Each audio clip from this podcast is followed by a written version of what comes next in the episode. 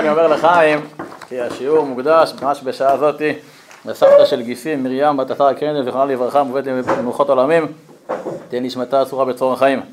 גם השיעור מוקדש לעילוי נשמת תלמיד הישיבה, אליעזר יוסף פז, אליוס, זיכרונו לברכה, שנפטר השבוע ולמד שם מתחתיו בישיבה. למדנו טניה ביחד לפני 16 שנים בערך, 15 שנים, וגם נשמתו תהיה אסורה בצור החיים. וגם שבת בי"ב, זה י"ב סיוון, ויום ההסתלקות של סבי מורי, ראובן בנימין בן יואל לב, זיכרונו לברכה, וגם 12 חודש פטירת סבתא, סבתא איילה בת פנחס, תהיה נשמתם צורה מצרור החיים. ובאמת העניין הזה של הסתלקות, אנחנו יודעים שזה לא רק עניין של פתאום רגע אחד אדם נפטר, אלא התהליך הזה של ההסתלקות ושל קרובה אל נפשי גאלה, זה תהליך שקורה כל השבוע. כי זה לא רק הסתלקות של הנשמה, יש לנו נפש, יש לנו רוח, יש לנו נשמה, החייו היחידה זה כבר תמיד קשור לקדוש ברוך הוא, אבל באמת הריב על הקדוש מלמד אותנו ש... שהשבת לא נכנסת, שבת זה מעין עולם הבא. אז לא נכנסים לעולם הבא בשבת ישר, אלא מעין עולם הבא מתחיל כבר ביום רביעי, קבלת שבת, שומעים היום, גם השבוע גם כיוונו את זה, נכון? עברנו לכוון ברוך השם. היום יום רביעי בשבת, אז כיוונו להמשיך עלינו תוספת נפש מהשבת הבאה עלינו לטובה. ושאמרנו היום בבוקר בשמחה רבה ובחיוך רחב, היום יום חמישי בשבת, מה כיוונו? כיוונו להמשיך תוספת רוח מהשבת עלינו לטובה. ומחר בבוקר שנגיד, לפנות בוקר, לא לפנות בוקר, כבר אחרי הנס, נגיד, היום יום השישי בשבת, אז נזכה להמשיך לתוספת נשמה משבת עלינו לטובה. ושנגיד אחר הצהריים, לעת ערב, בואי כלה, בואי כלה, בואי כלה, אז נזכה להמשיך עלינו נשמה יותר. עכשיו פעם הייתי שבת, במעייני הישועה, אז ליד טיפול נמרץ. ופתאום שמעתי ככה שירה, שירה נפלאה של קאיך סוף, עם איזשהו הרבה אברכים, חשבתי מה קרה, מישהו עומד למות. אז למה אתה שומע קאיך סוף? הוא אומר, כי זה העניין של הנפש, רוח הנשמה, אז שרים את זה בשעת הפטירה. אז אנחנו חלילה נאחל לכולנו חיים יפים וארוכים ובריאים. תהילי דודה, אלה, אלה,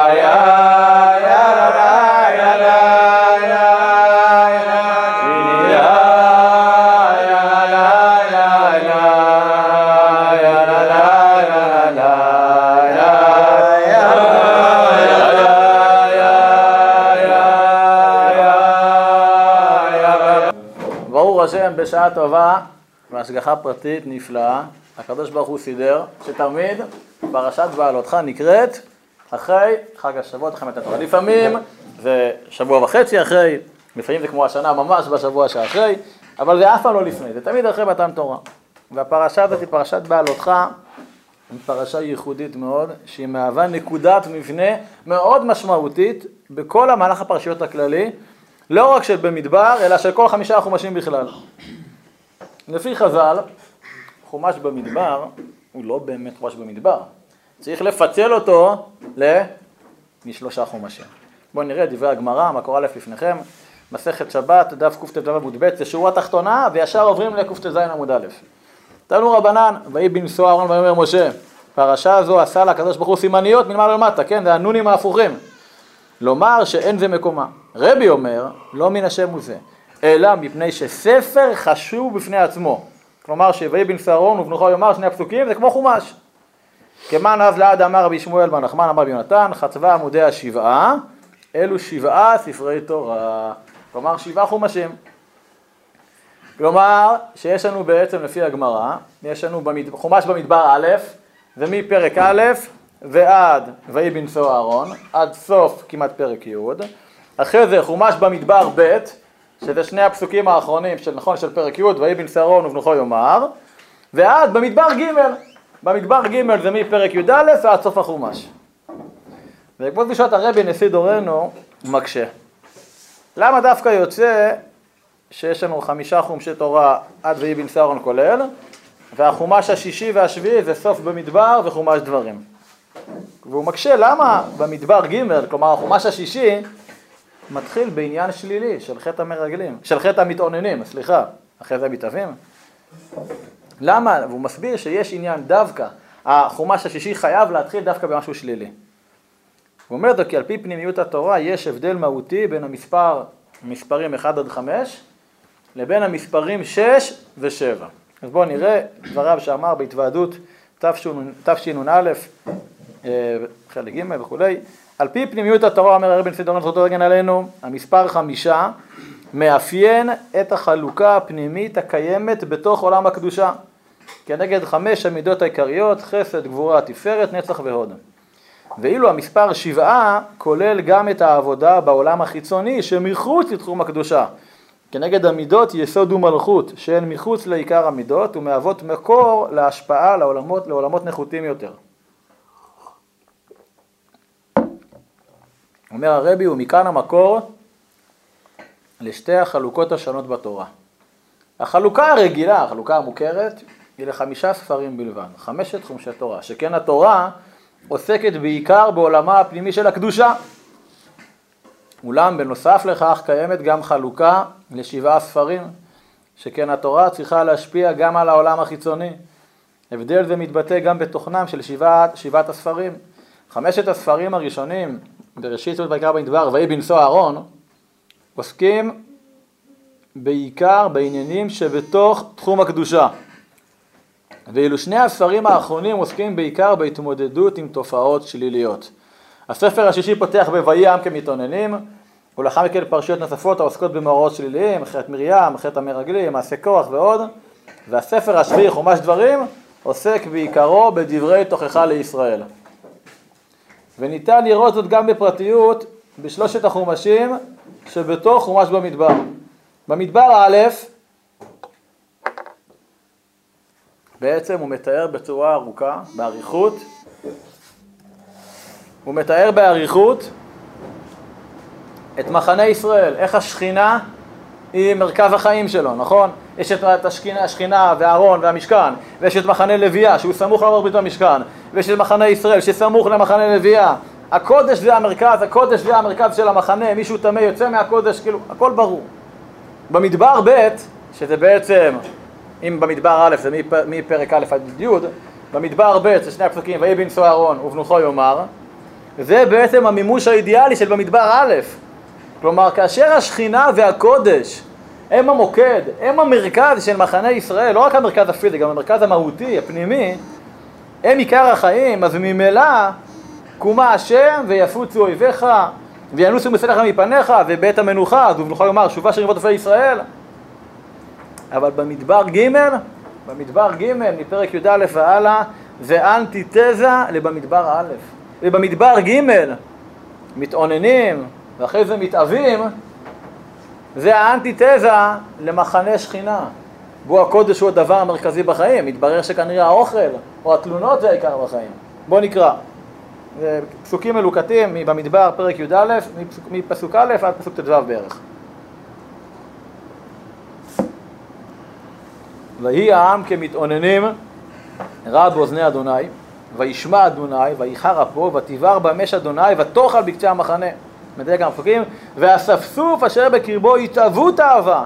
וישובו ויבכו גם בני ישראל ויאמרו מי יאכילנו בשר, זכרנו את הדגה וכולי, את האבטיחים, חציר, בצלים, שומים, ועתה נפשנו יבשה אין קול, בלתי אל אמן עינינו. מה התגובה של משה? וישמע משה את העם בכל משפחותיו, ויחרף אדוני מאוד ובעיני משה רע. ויאמר משה אל אדוני, למה הרעות לעבדיך? ולמה לא מצאתי חן בעיניך לשום את מסע כל העם הזה עלי? אנוכי הריתי את כל העם הזה? ונוכלי יליתיך? כי תאמר לה יישאהו בחקירה כאשר יישא אומנת היונק על האדמה וכל וכולי. מאין לי בשר מדלג? לא אוכל אנוכי לבדי לשאת את כל העם הזה, למה? כי כבד ממני. ואם ככה אתה עושה לי, אתה יודע מה ריבונו של עולם? הורגני נהרוג. אם מצאתי חן בעיניך, ואל ירא ברעתי. אנחנו, פסוקים מאוד קשים. אנחנו רואים שהפתיח שבמדבר ג' זה תלונות, ומיד אחר כך מה ההמשך? תאוות. ובעצם באופן נרחב יותר אפשר להגיד שכל החומש השישי, כלומר כל במדבר ג', הוא בעצם נסוב סביב החטאים, סביב ברורים מאוד מאוד קשים בעם ישראל. כפי שכבר אמרנו מקודם, אז יש את החטא של מרים, מדבר, אהרון ומרים מדברים על משה, אודות האישה הכושית, המשך הפרשה. בפרשה הבאה חטא המרגלים, ואז המעפילים, ואז כוח ועדתו, וחוקת, מי מריבה, וסוף בלק זה כבר עוון פאור וגיבד.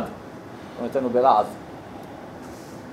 כפי שראינו כבר שנה שעברה, מי שזוכר, שיעור בפרשת בעלותך שנה שעברה, המסקנה של כל החטאים האלו היא שדור המדבר, אלה שיצאו ממצרים, לא מתאימים להיכנס, הם לא ראויים להיכנס לארץ המובטחת, לארץ הקודש. והפתיח של כל סדרת החטאים הנוראית הזאתי, הפתיח, הבסיס להכל, זה העניין של המתאוננים, המתלוננים, המתאבים. כלומר, יש כאן שני חטאים, גם המתאוננים, המתלוננים, וגם המתאבים, שהם שני חטאים מאוד שורשיים, שמהווים אב טיפוס לסדרת החטאים שיבואו אחר כך, ויש הרבה חטאים אחר כך. עכשיו, כמו כן, נשים לב פה לתגובה כביכול מוזרה או מפתיעה של משה רבנו. אפשר אפילו להגיד, תגובה אפילו מרחיקת לכת.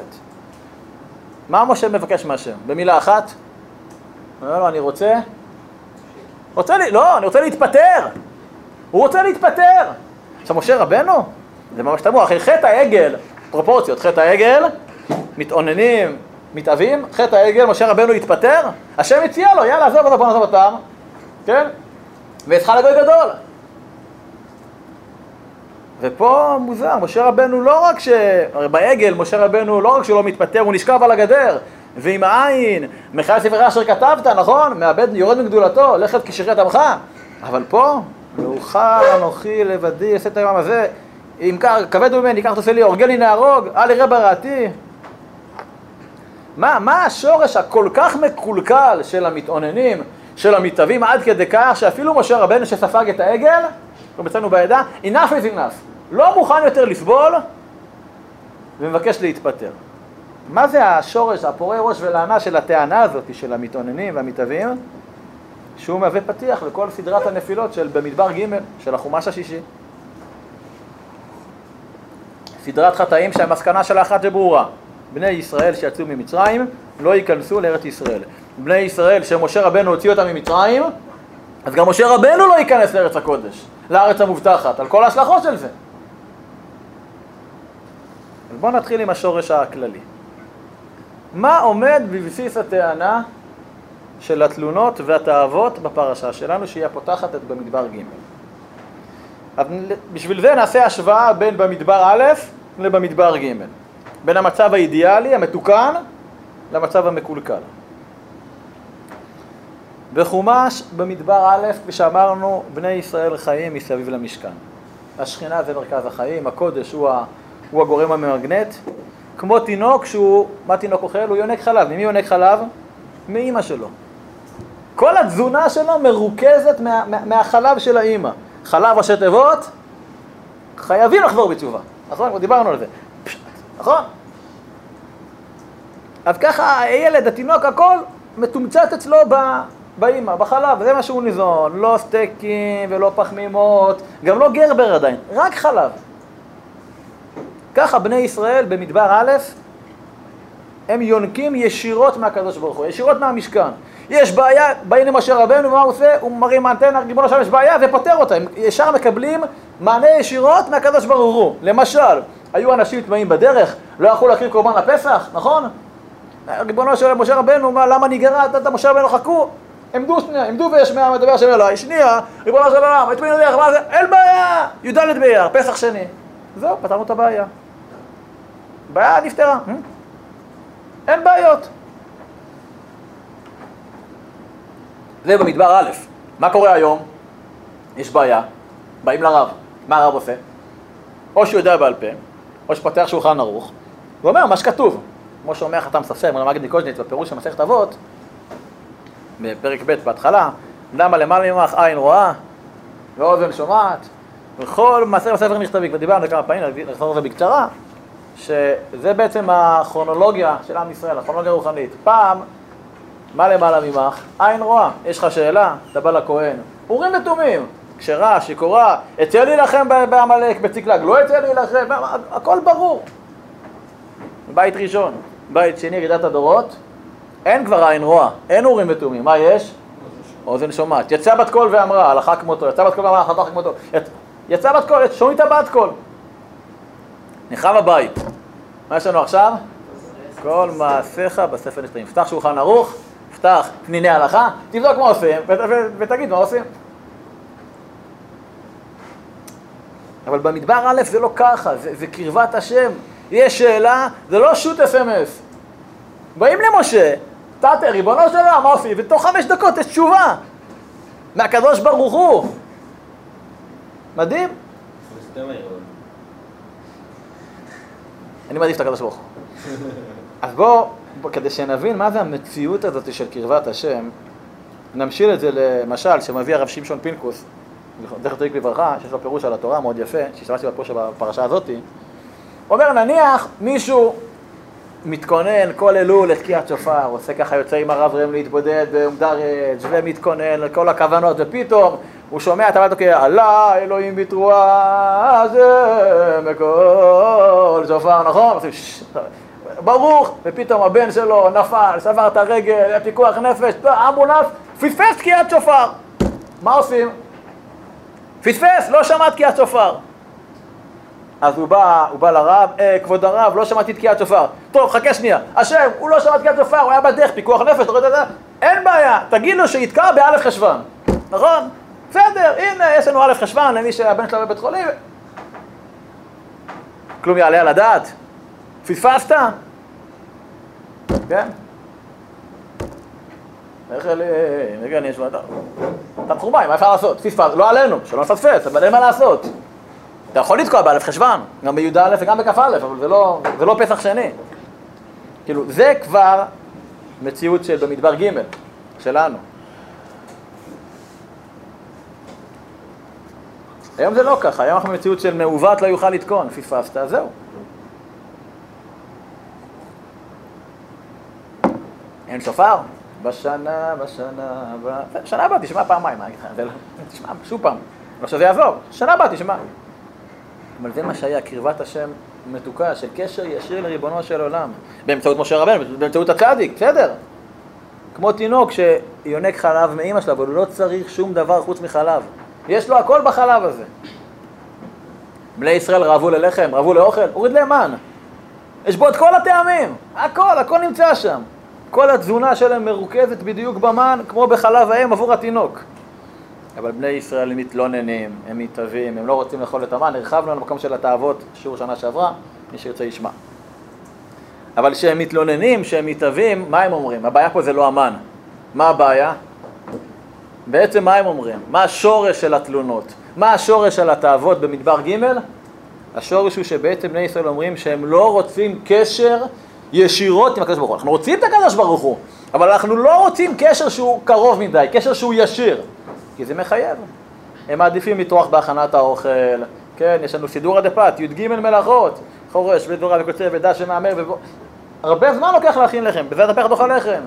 הם רוצים לקחת את השור ולשחוט אותו ולמלוח אותו ולבדוק שזה ולזרוק על האש ו... רוצים לעבוד, הם לא רוצים המוציא לחם מן הארץ, אלא רוצים כמו אברכים על המן, המוציא, הם לא רוצים לחם מן השמיים, שזה אברכים על המן, הם רוצים המוציא לחם מן הארץ. ובאמת הקדוש ברוך הוא מזהה בתלונות, הוא מזהה בתאוות, שזה בעצם התביעה, הוא מזהה שבסך הכל מה הם רוצים?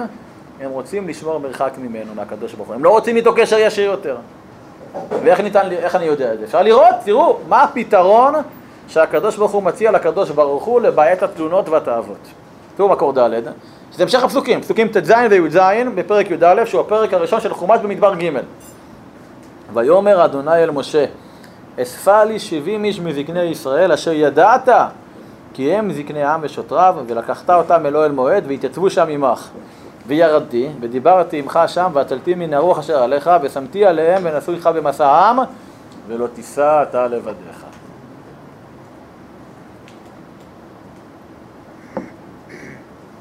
לכאורה, בעיון שטחי, ההצעה של הקדוש ברוך הוא למשה רבנו עליו השלום היא בעצם מהווה פתרון, היא מהווה מענה רק לטענה של משה רבנו. מה הטענה שלו? אני לא יכול לבד. אבל איך המענה של 70 איש, אפשר ל-70 איש מזקני ישראל, איך המענה של 70 איש פותר את הבעיה, את שורש הבעיה של המתלוננים, את שורש הבעיה של המתאבים? איך זה פותר את זה? נעשה ניגון ככה, שיעזור לנו לחשוב טיפה איך אנחנו...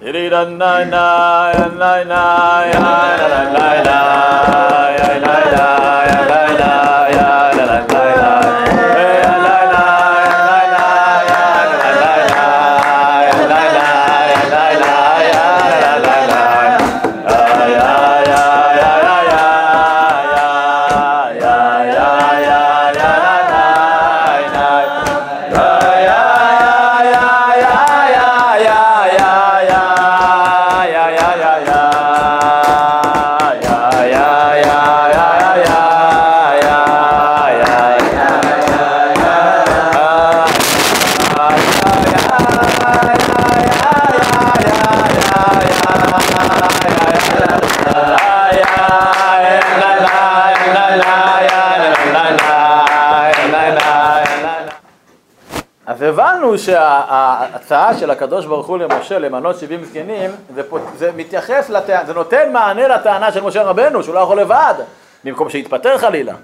אבל איך זה פותר את שורש הבעיה של המתאוננים שמתלוננים כל הזמן, של המתאבים שתאבים כל הזמן? אבל לפי מה שהסברנו, שבעצם השורש של הטענה של המתלוננים והמתאבים זה התביעה לשמור מרחק מהקדוש ברוך הוא. כלומר חוסר הרצון שלהם להיות בקשר ישיר עם הקדוש ברוך הוא כל הזמן, אז עכשיו נבין איך הרעיון הזה של 70 זקנים נותן לכך מענה. הרי 70 הזקנים, מה הם יעשו? הם באמת ינהיגו את העם. הם באמת גם ינהיגו את העם על פי התורה הקדושה. אבל זה בבחינת כל מעשיך בספר נכתבים. הזקנים לעולם יוכלו להגיד לנו עמדו ואשמע מה יצווה מה ילחם. חכו שנייה, נרים מתן לקדוש ברוך הוא, יגיד לנו. כמו שאמר משה לאלה שהיו תמימים בדרך, למה אני גר, נכון? איפה זה היה?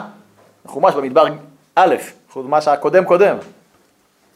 70 הזקנים של במדבר ג' הם, הם רבנים, הם צדיקים, הם אדמו"רים, הם פויסקים, הכל טוב ויפה. אבל הם לא יוכלו להבין את דבר השם בצורה ישירה, כמו במדבר א'. ולפי זה אנחנו נבין עכשיו גם את ההמשך, מה ההמשך? זה הנבואה של אלדד ומידד. הרי לפי חז"ל, יש לנו 12 שבטים. אבל משה רבנו רצה שכל שבט יהיה שישה נציגים בגוורדיה של ה-70, אבל 12 כפול 6 זה 72.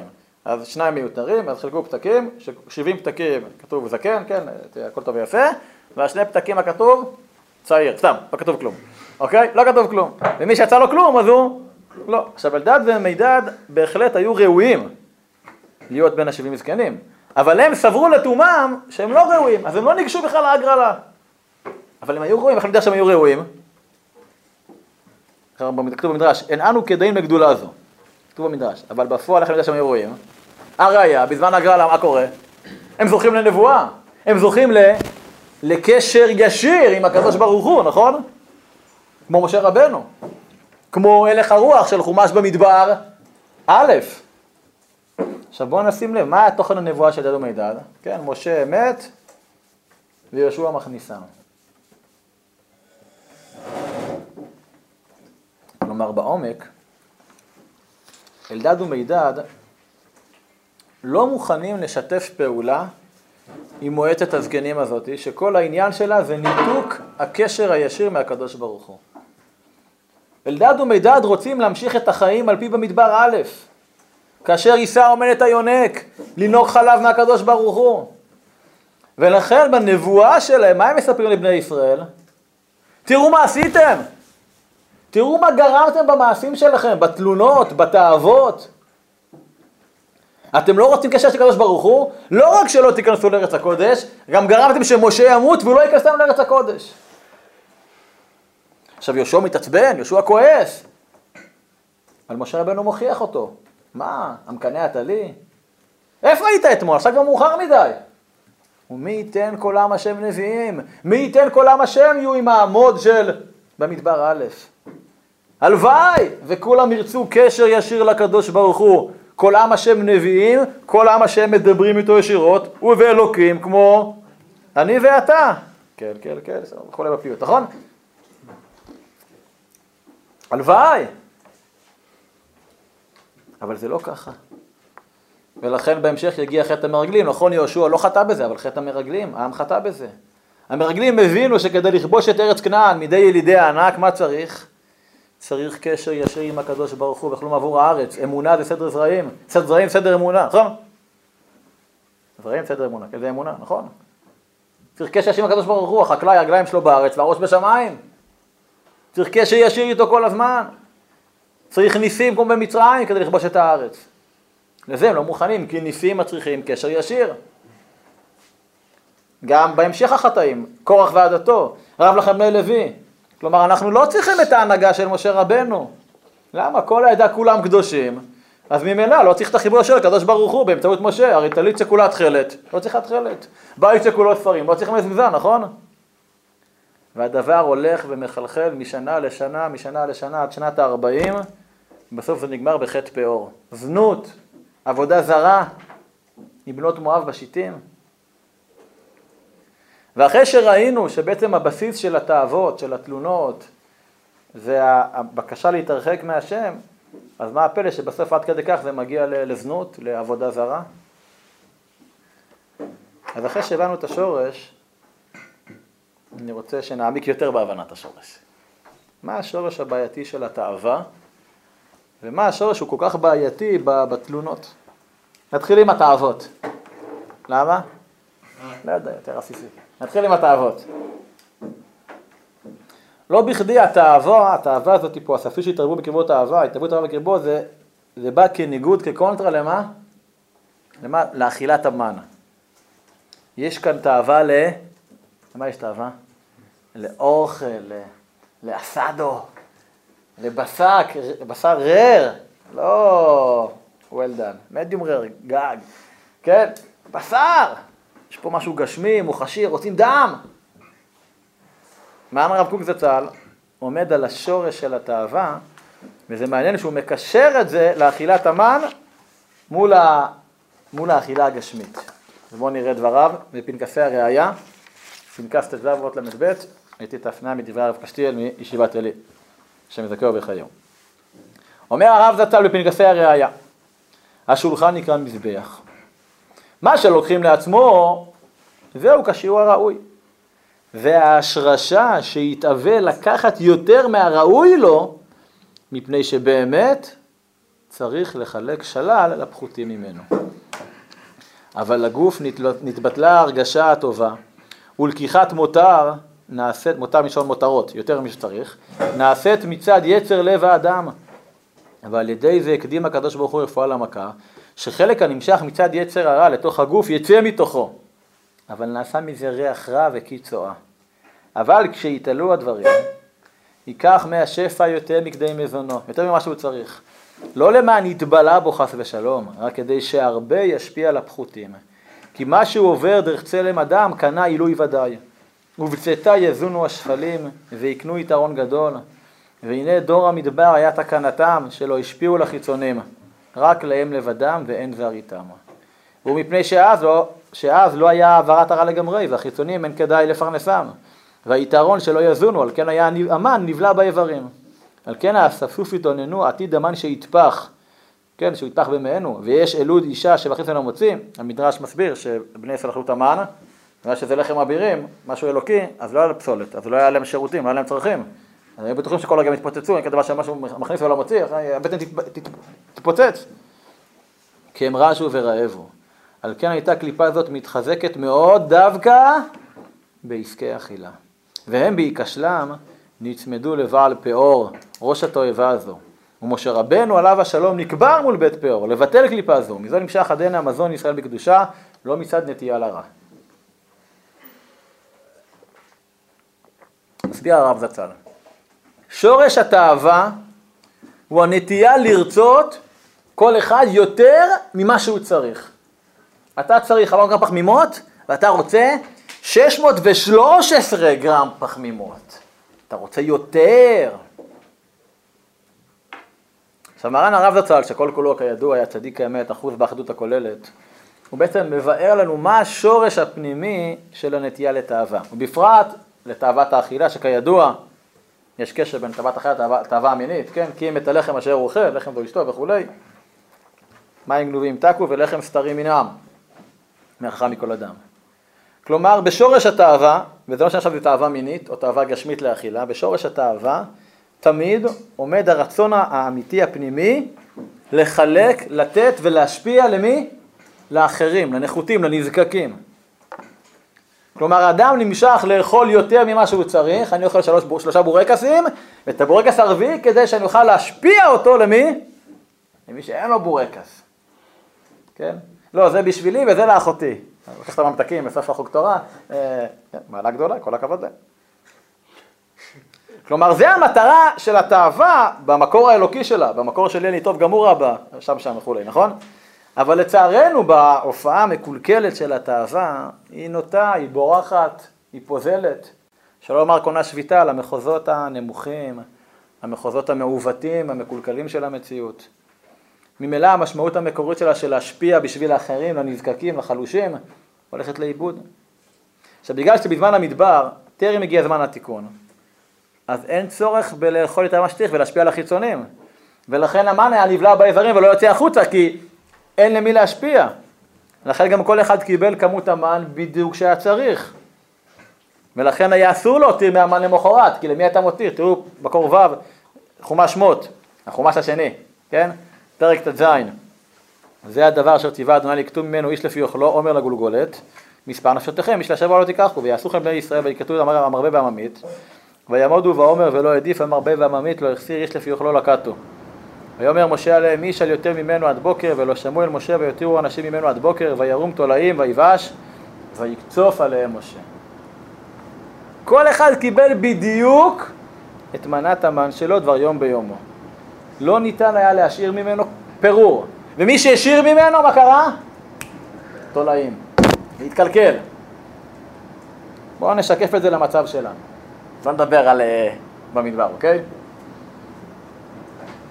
גם אנחנו אוכלים. לא אגיד ארבעה בורקסים, חס וחלילה, כן? היו לא תהיה. עוד קמח לבן, קמח חלים.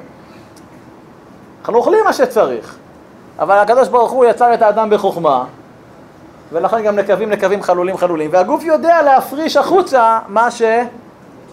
מה שמיותר. עכשיו הרב זצ"ל לומד על כך שבאמת, שלא בכדי המותרות של האכילה, הפסולת, האוכל, שבא בצורת הפרשה, זה מלווה ב... בריח אפס, לא, לא משהו, זה בושם שאפילו איילת שקד לא תפרסם, אוקיי? זה לא ריח טוב, נכון? זה ריח מאוד מאוד לא נעים.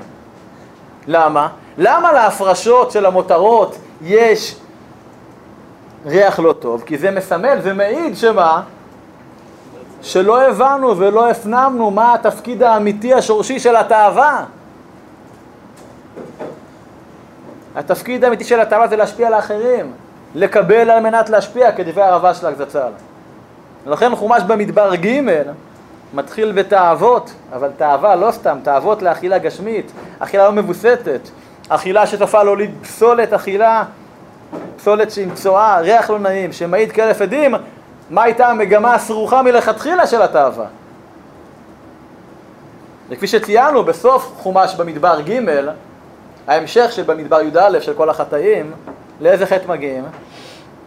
לכישלון של בני ישראל לבנות, לבנות פאור, לזנות, לבנות, לבנות מואב, עם הזנות בשיטים, שהן זובחות לפאור. מה הייתה העבודה הזרה של פאור? איך עובדים אותה של פאור? אל תנסו בבית. ניגשים לפסל ומה עושים? מטילים את הצואה. אתם שמים לב למה בנות, למה בנות מואב עבדו? איך הם עבדו? בדיוק לפועל יוצא של פרק י"א. אתם רוצים תאווה לאוכל? אז זה נגמר בעבודה זרה שנאבדת באמצעות מה? באמצעות המותרות הפסולות של התאווה, שמעיד מה המקור שלה מלכתחילה. הצואה שלהם זה היה ביטוי אלוקי שלהם. יש גם בדור שלנו, במאה ה-21, אנשים עובדים לתאוות שלהם, כמו בזמן הרומאים, אוכלים על מנת להקיא ולאכול עוד, דופקים את הראש, משתקים על מנת להקיא, דופקים את הראש בכל מיני, ככה לך סמים, לא, לא תעשו כתוב, בכל זאת עושים, וצירופים לא טובים, ו... אדרבה,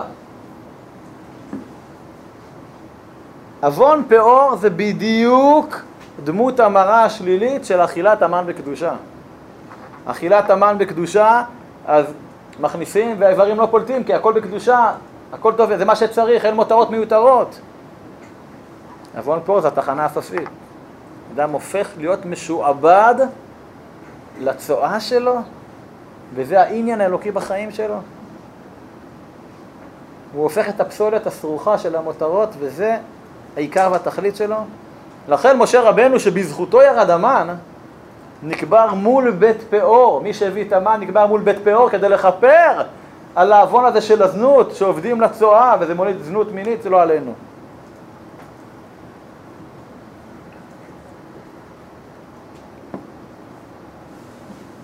כי שורש עוון פאור נעוט כבר בבקשה של האספסו שמתאבים תאווה.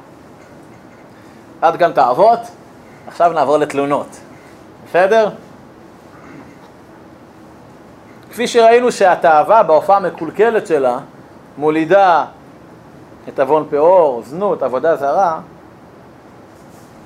אז תדעו לכם שבתלונות הדרך המובילה לשאול, לשאול של הכפירה, הרבה יותר קצר. הדרך הרבה יותר קצרה. מה זה תלונה?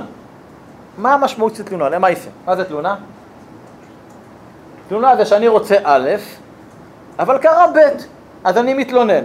כלומר, אני מתלונן שווה, אני לא מסכים עם מה שהשם עושה. אני לא מסכים עם איך שהשם מנהיג את המציאות. זה תלונה. אני לא מתבטא להנהגת השם את המציאות, ולכן אני מתלונן.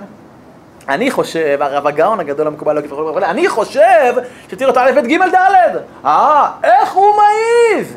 איך הוא, הקדוש ברוך הוא, מעז לעשות ה', ו', ז', ח', ט', י'? מה זה? לא מתבייש? לא, זה לא בסדר. זה תלונה. זה תלונה. וזה לא משנה אם זה תלונה על דברים מהותיים מאוד, או תלונה על אה, למה יש כנפיים ואין המבורגר בארוחת צהריים. ולמה ביום חמישי תמיד יש פסטה עם רוטב לבן ורוטב אדום. מה? הבורקס היום? כל אחד בורקס אחד. לא, אני לוקח לזה, אני נוסע טרמפ הביתה, אני אקח על הדרך. טוב, שמע מינה,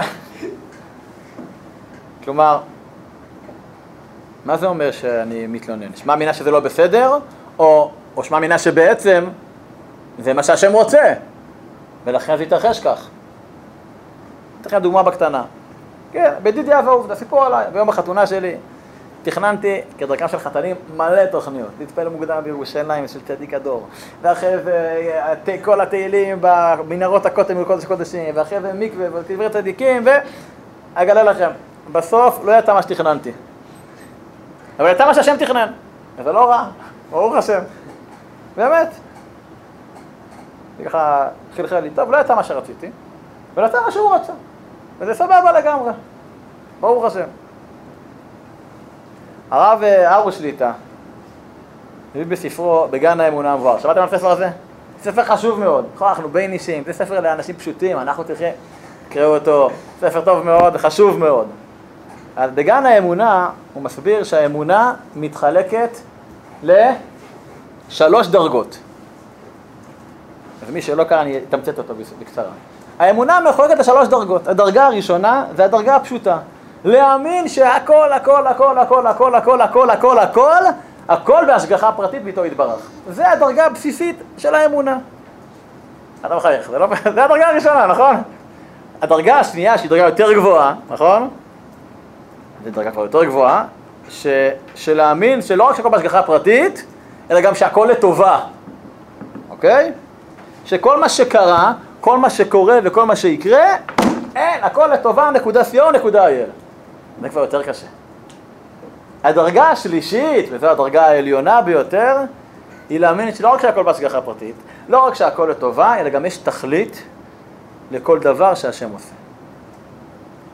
ולכן כל מה שקורה לי רק מעורר אותי יותר לחפש, לדעת ולהכיר את הקדוש ברוך הוא ולהבין מה אתה רוצה ממני בסיטואציה הנקודתית הזאת.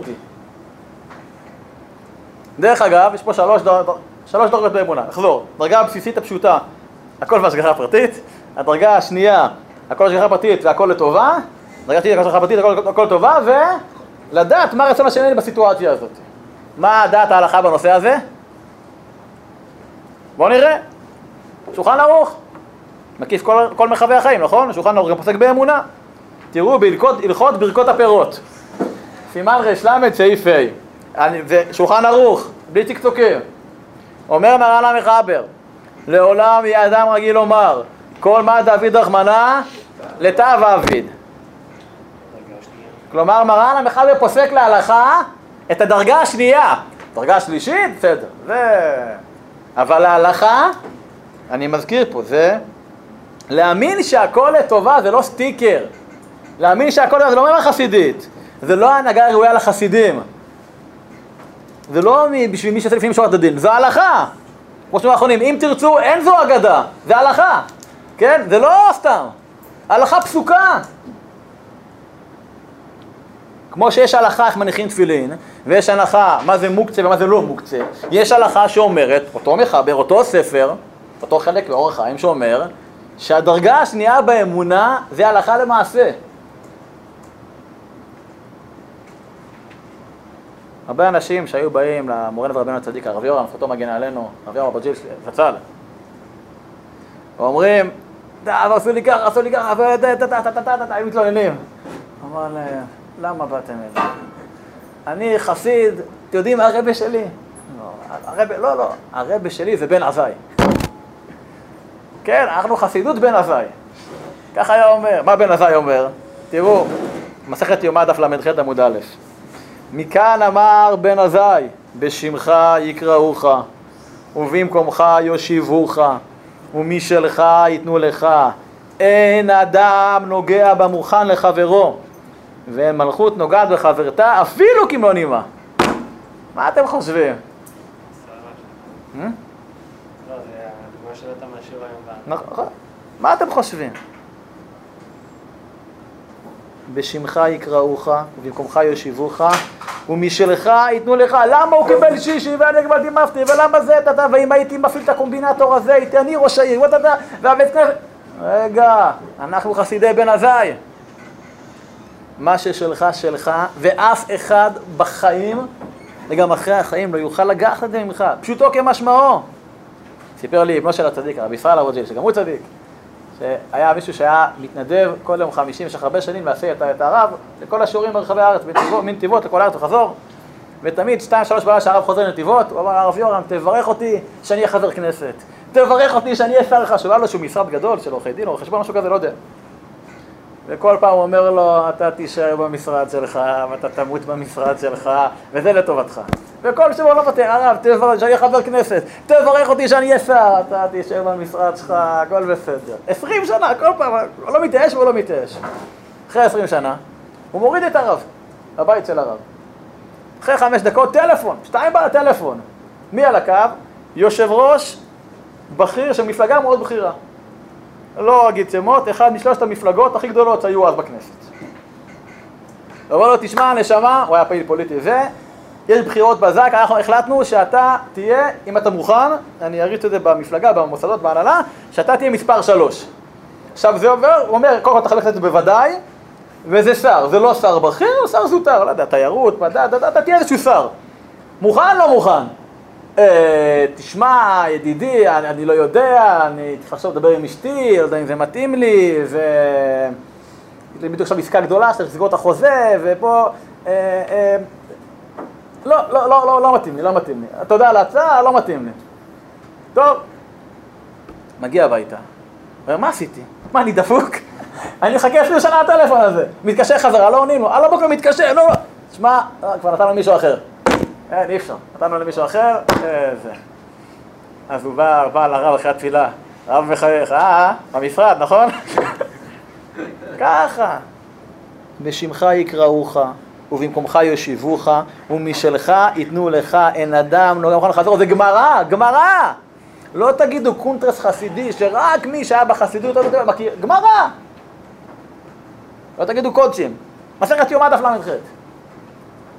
אבל במקום זאת, אנשים שהם לא חסידים של בן עזאי, מתלוננים, באים בטענות על הסביבה, ואם קצת יותר מאמינים, אז לא מתלוננים לסביבה, למי מתלוננים? לקדוש ברוך הוא, אתה לא בסדר. אתה לא בסדר. לא, זה לא הוא, אתה, אתה, אתה לא בסדר. תלונות זה מסוכן, זה לא משתלם. תראו מה רבנו הנחל נובע מסביר כמה זה מסוכן למי שמתלונן. אין דרכי לדרוש בסגנון של הפחדות, בגיהנום וכולי. אבל באמת, אנחנו מרוויחים פה את הגלגול. באמת, באמת, תקשיבו מה אומר רבנו. אמר, כשאחד פוגש בחברו, ושואלו עלה לשלמה ואומר לו, לא טוב. אומר השם יתברך, אה, זה לא טוב? חכה חכה. עוד הרקע מה הוא לא טוב. ובאים עליו רעות רבות, רחמנא ליצלן, באמת רחמנא ליצלן. אולם, שפוגשו חברו ושואלו לשלמה ועונה לו בשמחה, טוב, ברוך השם. אף על פי שבאמת אין טוב לו. אומר השם יתברך, או, oh, זה נקרא טוב, או, oh, אני אראה לו מה זה טוב. פסקה מפורשת, אפילו לא בארמית, אוקיי? הרב אבוש מסביר שיש את קליפת הבכיינות. שמעתם? דיברנו על השנה שעברה בפורים. פורים שנה שעברה דיברנו על זה. הכל, אתה מתבכיין, תפסיק להתבכיין כבר. המן, היה לו הכל. משנה למלך, המלך שיכור, הוא עשה מה שהוא רוצה כל הזמן. הכל הכל, אבל מה? יהודי אחד לא יכאב ולא יכאב, מה הוא אומר? וכל זה, וכל זה איננו שווה לי בכל עת. תגיד לי מה, אתה דפוק? יש לך הכל, הכל, 120, הכל שלך, אבל יהודי אחד עם זקן לבן לא משתחווה לך וזה גומר אותך, אתה יודע שכל זה, מה שיש לך, לא שווה לי? ראינו על פי האריזה לקדוש, זה איננו שווה לי, סופי תיבות, זה איננו שווה לי, סופי תיבות ק' ו', ק' י', שזה בדיוק מהסוף להתחלה של י' ק' ו' ק', כלומר יש לו הסתכלות עקומה, זה הבכיין, זה המתלונן, אבל זה תגידו לי שושנה בר. בואו, סיפורים, 120, שלא תגידו. לפיד האש, מקור יהוד לפניכם, זה ביוגרפיה על האדמו"ר הקדוש מצד קלוזנבורג, ביקוטי יהודה סדור רגע עלינו, מי שמכיר אותו, היה בצאנז ונתניה, נפטר, נקבר בנתניה, הוא היה אדמו"ר לפני השואה, 25 שנים, איבד בשואה את אשתו ו-11 ילדיו, בדברים נוראים שלא נדע, השם ישמרנו. אחרי זה התחתן אחרי שוב פעם, והוליד עוד שבעה, שמונה ילדים, והקים את החסידות בנתניה ובניו יורק, ונפטר בגיל מופלג, ב, אה, נקבר בנתניה בט' בתמוז, תשנ"ד. אני מקריא, העתקתי מילה ממילה מהביוגרפיה שלו. במרחק של כ"ג שנה בדיוק ביום שבת קודש פרשת שופטים, בתחילת חודש אלול תש"ל, 1970, כאשר חגג רבנו זיע את שמחת שבע ברכות מנישואי בנו הגדול, מי שזה היום הרבי שליטה, כבוד תת אדמו"ר ומנו הרב צבי אלימלך שליטה, עמד בהתרגשות השף החיים הרבי ניתן קלונדנבורג וסיפר ברבים כאי לישנא. הרבה פעמים חשבתי והתבוננתי. הנה עזרני השם יתברך וריחם עליי אחרי כל התלאות והאיסורים והצרות שעברו עליי. וזכיתי להיבנות, להיבנות ברוך שם מחדש. זכיתי לזרע ברך השם בנים וחתנים רבנן. זכיתי גם להקים ישיבה מפוארה שצומחים מתוכה גדולי תורה ויראה זכיתי עוד הרבה. והנני עומד ומשתאה איזה דבר טוב עשיתי אי פעם! לנחת רוח לפניו יתברך. שמו שמיים כל זה. זה אדמו"ר שהעיד על עצמו שלפני עשרה עשרים שנה לא ישן על מיטה, שידע כל התורה כולה בעל פה ישר והפוך, פרוש בעולם הזה לגמרי, ואומר, איזה נחת רוח עשיתי לו. ותראו מה הוא אומר, והגעתי סוף סוף למסקנה שהדבר הטוב היחיד שיכולה אני לזקוף לזכותי הלא הוא שבזמנים הקשים ביותר שעברו עליי, אני מדבר איתכם על אושוויץ, הדברים הכי קשים ביותר בהיסטוריה, שבזמנים הקשים ביותר שעברו עליי אף פעם לא באתי בטרוניה כלפי שמיא, וכל גל וגל שעבר עליי נעניתי לו בראשי וקיבלתיו באהבה. זה לא סיפור ממגילת אסתר, מישהו שהיה בדור שלנו. הבת שלו גרה אצלי ברחוב, אצלי ברחוב, חתן שלו, שחיין. זה לא, זה, זה, זה אנשים שחיו איתנו. דיברנו על סבא, סבתא שעברו את השואה, לעילוי נשמתם.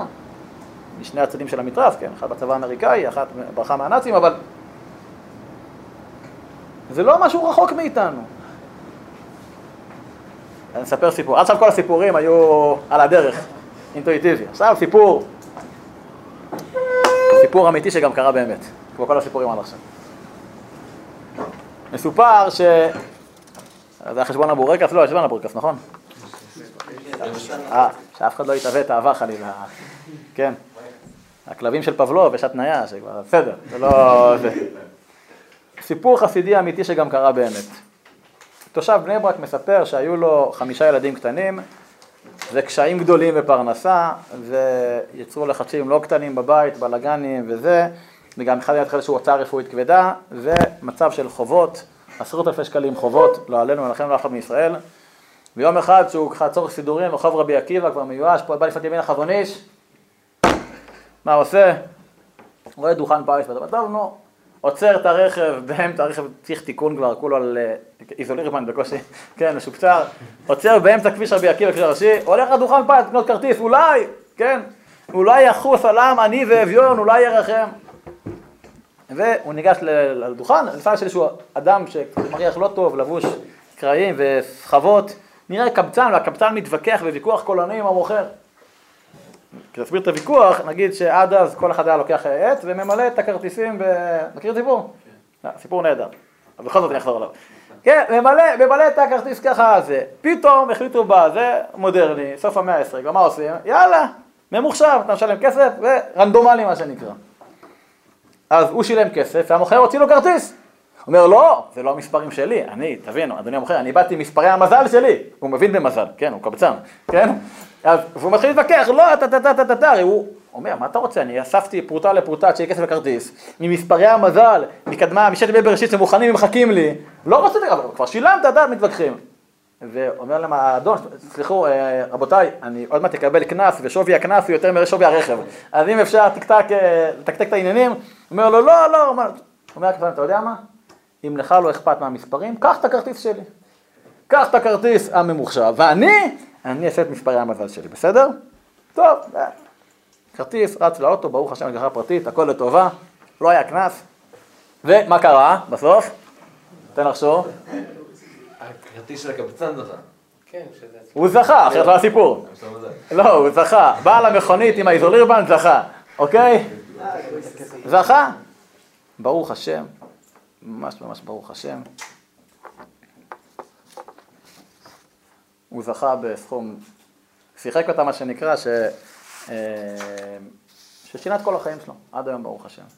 חוץ מאשתו, הוא לא סיפר לאף אחד על הזכייה, הוא גם לא עבר דירה, הוא לא, ככה בהצניע הלכת, הוא השקיע את ה... אה, סגר את החובות הקטנים, לאט לאט החובות היותר גדולים, אבל אה, הצדיע לכת כמו שצריך, והשקיע בכמה עסקים סולים, ואחרי 4-5 שנים כבר הספיק אפילו לשלש את סכום הזכייה, בשונה מרוב הזוכים.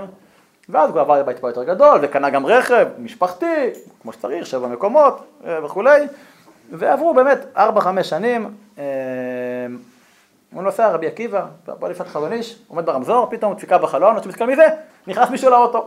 מי זה היה? הקבצן! ולא יעשה לקבצן קדוש, קבצן אמיתי, לא, לא מריח טוב. הוא אומר לו, אתה זוכר אותי? כן. מסתכל על האוטו, על הדשבורד, על, הכלב שעושה ככה, כן, מסתכל על הזה, ואומר, "אה, יש לי רק שאלה אחת. תגיד לי, זה שלי? זה מהכרטיס שלי? ומה ענה לו האיש? הוא לא ענה לו. הוא אומר, הבנתי. שתיקה כהודאה. אז אם זה מהכרטיס שלי, אתה לא חושב, אפס, שמגיע לי משהו? כמה אחוזים מהזכייה? בכל זאת זה הכרטיס שלי? פה אמר, תשמע, אני לא חושב שאני חייב לך משהו. באמת אני לא חושב ככה, אבל בגלל שאני יהודי ירא שמיים, הוא אמר ולא האמין למה שהוא שמע שהוא אומר, אני אשאל רב מה לעשות. כל דבריך בספר, כן? כל מסך בספר נכתבים. נשאל מורה הוראה, ומה שהוא יגיד, נעשה. לא פשוט להיות דוס. טוב, הלך לפויסק לדיין, סיפר לו את כל השקלא וטריא, והוא אמר לו, אה, זה פשוט. הוא אמר לו, מה? אספר לך סיפור. סיפור בתוך סיפור, זה בכלל. כן. הוא אומר לה, המקרה שלך מאוד דומה למקרה שאירע לפני 80 שנה, 90 שנה.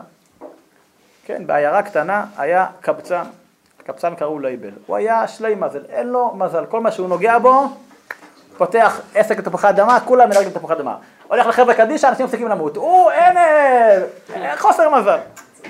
חסך פרוטה לפרוטה, פרוטה לפרוטה, עד שהגיע לסך המינימלי של חי רובל, שאיתו קונים כרטיס להגרלה עם מספרי המזל, ימי בראשית שמחכים לו. קנה כרטיס, ומה גרה, מה קרה לו? הברוך, מה קרה? התברר שבאותו שבוע רב מאיר כהצדיק של העיירה הסתדך עם בת של צדיק אחר, והוא התחייב לנדוניה מטורפת שלנו אפילו עשירית ממנה. מה אמרו לאנשים? רב מאיר קח את הסכום של החי רובל, תקנה כרטיס לאוטו, אתה תעשה כוונות במקווה, רוח הקודש, ייחודים, כל העיירה, בית בית העניות, קוראים תהילים כל השבוע, אתה זוכר, פשוט. אומר עכשיו לייבל הקבצן, אה, זה לא כוחות. אני, מול מאיר, דווקא השבוע, מול מאיר כהצדיק, עם כל התהילים, ואתה יודע מקווה, שער רוח הקודש וכוונות ייחודים, לא כוחות. אז מה עשה? בלילה לפני הזכייה, הלך לבית מדרש, הרב מאיר כתהילים כל הלילה. הלך למייל של זה, הוציא את הכרטיס שלו ושם את הכרטיס שלו, שלו בכיס. מה עכשיו אני בכרטיס, שכל העיירה צמה, כל הקורא תהילים, הייחודים של מאיר, אין, משחק מכור. ומה קרה? מי זכה בכרטיס?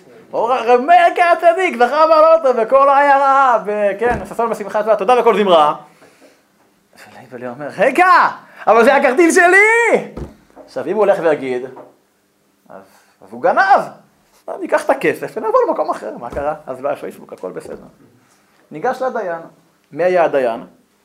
רב מאיר שמחה, מדווינסק, המשך חוכמה, כן, אור שמח על הרמב"ם, גדול הדיינים בדווינסק. נגיד מדווינסק, ומה אתם חושבים אמר רב מאיר שמחה? הוא אומר לו, מאוד פשוט, הוא אומר לו, משפט אחד, זה הפסק שלי. לא הכרטיס זוכה, האדם זוכה. ואני אקריא לכם, והוסיף האור שמח, הקדוש ברוך הוא דרכים שונות לו להיטיב ולהרע בני אדם. ואם מגיע לרבי זכות הפרס, ישלח לו הקדוש ברוך הוא את הפחות שבגנבים כדי לספק לו את אותה זכייה. איזה באס, אה? כן, ברוך השם. אז זה אמר אותו פויסק למיליונר בבני ברק, ואמר לו, כסף שלך, לא צריך להביא לו שום דבר, הכל בסדר. אבל לפנים משורת הדין, אותו איש החליט שהוא הכין מעטפה עם סטפה מכובדת, לקח שליח, אמר לו, תלך לקבצן הזה, ותגיד לו שאם הוא יתנהג בהתאם, יש פה סכום שיסדר לו את כל החיים שלו. אוקיי? אל תגיד לו ממי זה, הוא יבין לבד. והוא נתן לו את זה. הוא אומר, ומאז הוא לא ראה את אותו קבצן מסתובב שם באזור הזה. וזה בדיוק הנקודה הזאתי שלא להתלונן. אז אם נסכם, בטח יגידו, טוב, מה אתה עושה כזה big deal מהעניין של המתאוננים, המתאווים? זה לא חטא המרגלים, זה חילק, זה גם לא חטא העגל, על מה כל, כל הקצף, על מה כל הבלגן? בסדר, נו, נו, תלונות, תאוות, נו, יש לכולנו. אבל לא, לא, לא, לא, לא. התלונות והתאוות זה השורש פורי ראש ולענה.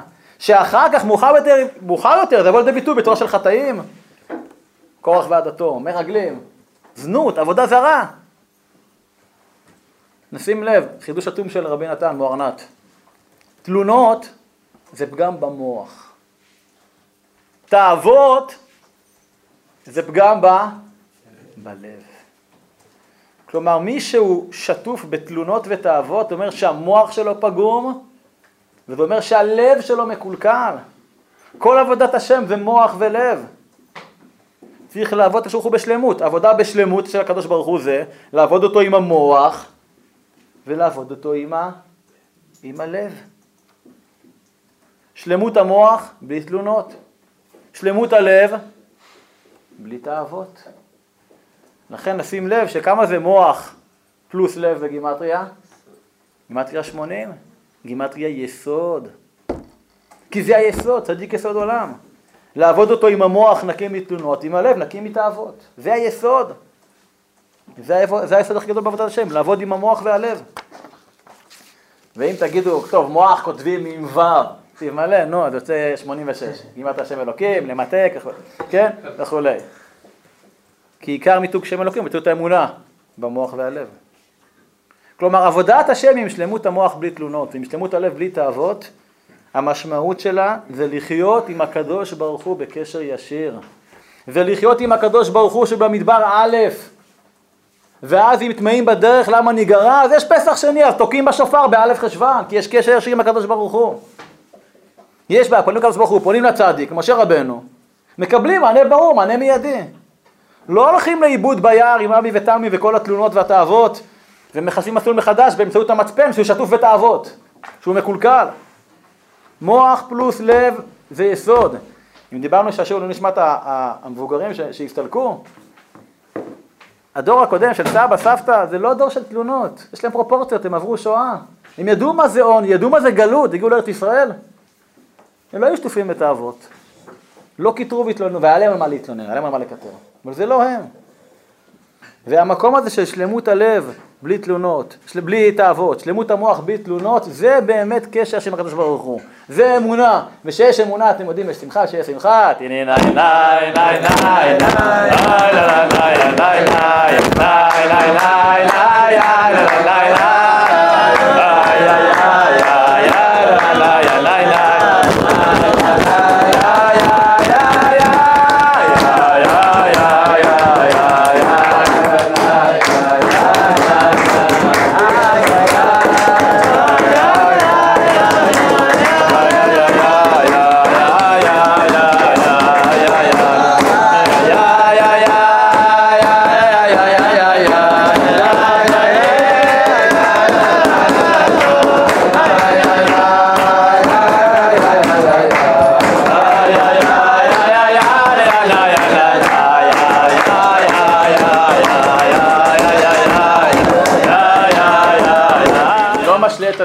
שנצליח באמת כל החיים לא להתלונן ולא להתאבות. זה יצליח קצת פחות להתלונן, קצת פחות להתאבות, קצת יותר שלמות המוח, קצת יותר שלמות הלב, אז אשרינו מה טוב חלקנו, בעזרת השם, ברור אדוני לעולם, אמן ואמן.